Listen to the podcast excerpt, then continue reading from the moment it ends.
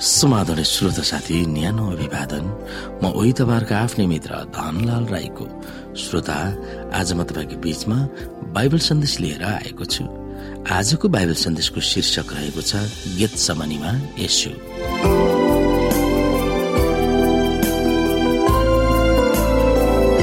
श्रोता साथी आजको यो गेत समनीमा यसु भन्ने बाइबल सन्देशलाई सुरु गरौं। मर्कुस चौध अध्यायको बत्तीसदेखि चौतिस पढेर। यहाँ भनेको छ त्यसपछि उहाँहरू गेतसम्म नभएको ठाउँमा जानुभयो र उहाँले आफ्ना चेलाहरूलाई भन्नुभयो मैले प्रार्थना गरुन्जेल तिमीहरू यहीँ बस। तब उहाँले पत्रुस याकुब र योनालाई साथमा लैजानुभयो र उहाँ अत्यन्तै विचलित र ज्यादै खिन्न हुनुभयो। उहाँले तिनीहरूलाई भन्नुभयो मेरो आत्मा मृत्युसम्मै शोकले व्याकुल भएको छ। तिमीहरू यहीँ बसेर जागा हो श्रोता साथी यस संसारमा तेत्तिस वर्षसम्म उहाँले जुन कष्ट र पीडाहरू भोग्नुभयो तिनीहरूको दाँजोमा क्रुसमा टागिनु भन्दा अघि बोक्न थाल्नु भएको पीडा केही पनि थिएन। अनन्त युगदेखि यस संसारको पापको निम्ति यसो बलि हुनुपर्ने योजना भएको थियो। अब त्यो समय वास्तविक रूपमा आउन लागेको थियो। गेस समयमा यसुले सामना गर्नुभएको पीडालाई विभिन्न पदहरूले बताउँदछ। यहाँ हामी बाइबलमा हेरौँ श्रोता मत्तीको पुस्तक छब्बिस अध्यायलाई हेरौँ भने तब यसु गेत्समनी भन्ने ठाउँमा तिनीहरूसँग जानुभयो र चेलालाई भन्नुभयो तिमीहरू यहीँ बस म चाहिँ अलि पर गएर प्रार्थना गर्दछु। र आफूसँग पत्रुस र जब्दियाका दुई छोराहरूलाई लिएर उहाँ शोकित र व्याकुल हुन लाग्नुभयो। तब उहाँले तिनीहरूलाई भन्नुभयो मेरो प्राण गहिरो शोकले मरितुल्य भएको छ। तिमीहरू यहीँ बस र मसँग जागा रह अनि उहाँले अलि अगाडि गएर लम्पसार परेर प्रार्थना गर्नुभयो हे मेरा पिता हुन सक्छ भने यो कचौरा मबाट हटोस्।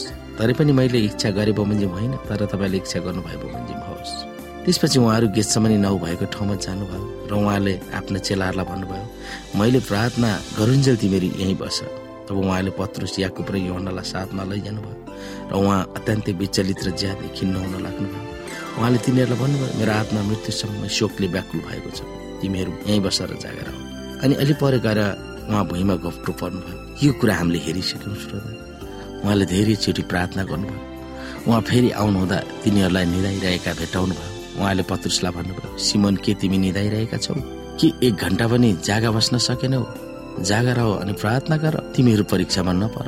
आत्मा त साँच्चै तयार छ तर शरीर दुर्बल छ। बाहिर निस्केर सदा चाहिँ उहाँ जैतुन डाँडामा जानुभयो र उहाँका चेलाहरू पनि पछि पछि लागे। त्यस ठाउँमा पुगेपछि उहाँले तिनीहरूलाई भन्नुभयो तिमीहरू प्रार्थना गरिरह र परीक्षामा नपर।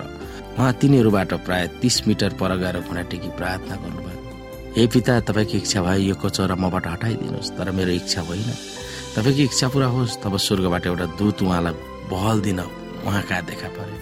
अत्यन्त सङ्कटमा परेर आग्रहपूर्वक उहाँ प्रार्थना गर्न लाग्नुभयो र उहाँको पसिना रगतका ठुला ठुला थोपा जस्तै जमिनमा खसिरहेका थिए।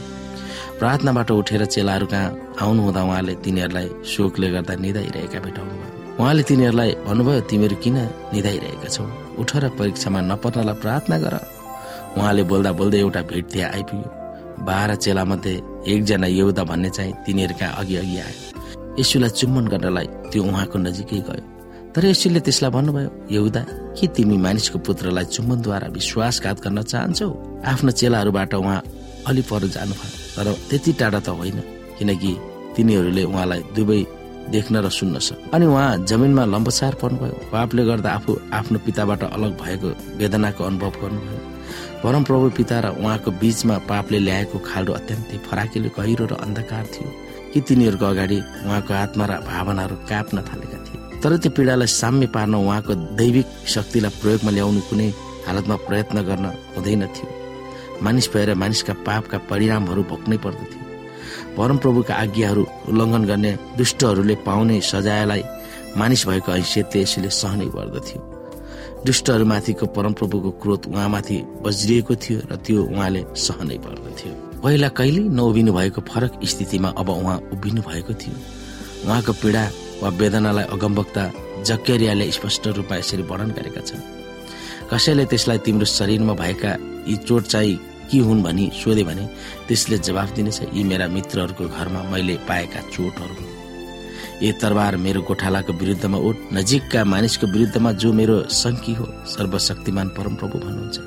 गोठालालाई हिर्का र भेडाहरू भित्र हुनेछन् र मेरो हात सपनाहरूका विरुद्धमा म उठाउनेछु। जकरिया तेह्र अध्यायको छदेखि पापी मानिसको विकल्प र जमानीको निम्ति सर्वशक्तिमान परमप्रभुले ल्याउनु हुने दैविक न्यायमुनि ख्रिस्ट पर्नु भएको थियो। परमप्रभुको न्याय वा इन्साफ भनेको के हो? सो उहाँले भोगिरहनु भएको थियो। यसै कारण अरूहरूको निम्ति मध्यस्थता भएर पिताको सामु उहाँ उभिरहनु भएको छ। तर अहिले गेतसम्ममा आफ्नै लागि कसैले पहल वा मध्यस्थता गरून् भन्ने उहाँको हृदयदेखि चाहना गर्नुभएको थियो। अन्तिम श्रोता गेतसम्ममा यसुलाई के भइरहेको थियो त्यसमा हामी ध्यान दिन सक्छौँ। सारा संसारको पापको वर्षाहरू उहाँमाथि झरिरहेको थियो। त्यो कस्तो अनुभव होला कल्पना गर्न खोज्नुहोस्। विगत र पछि कुनै पनि मानिस त्यस परिस्थितिमा जाकिन बोलाइएका थिएन। हामीलाई परमप्रभुको प्रेमको बारेमा यसले के बताउँदछ? यसबाट तपाईँ हामीले आफैले के आशाहरू हामी लिन सक्छौँ? त्यो हामी सोच्न सक्दछौँ। श्रोता साथी आजको लागि बाइबल सन्देश यति नै। हस्त नमस्ते। जय मसिंह।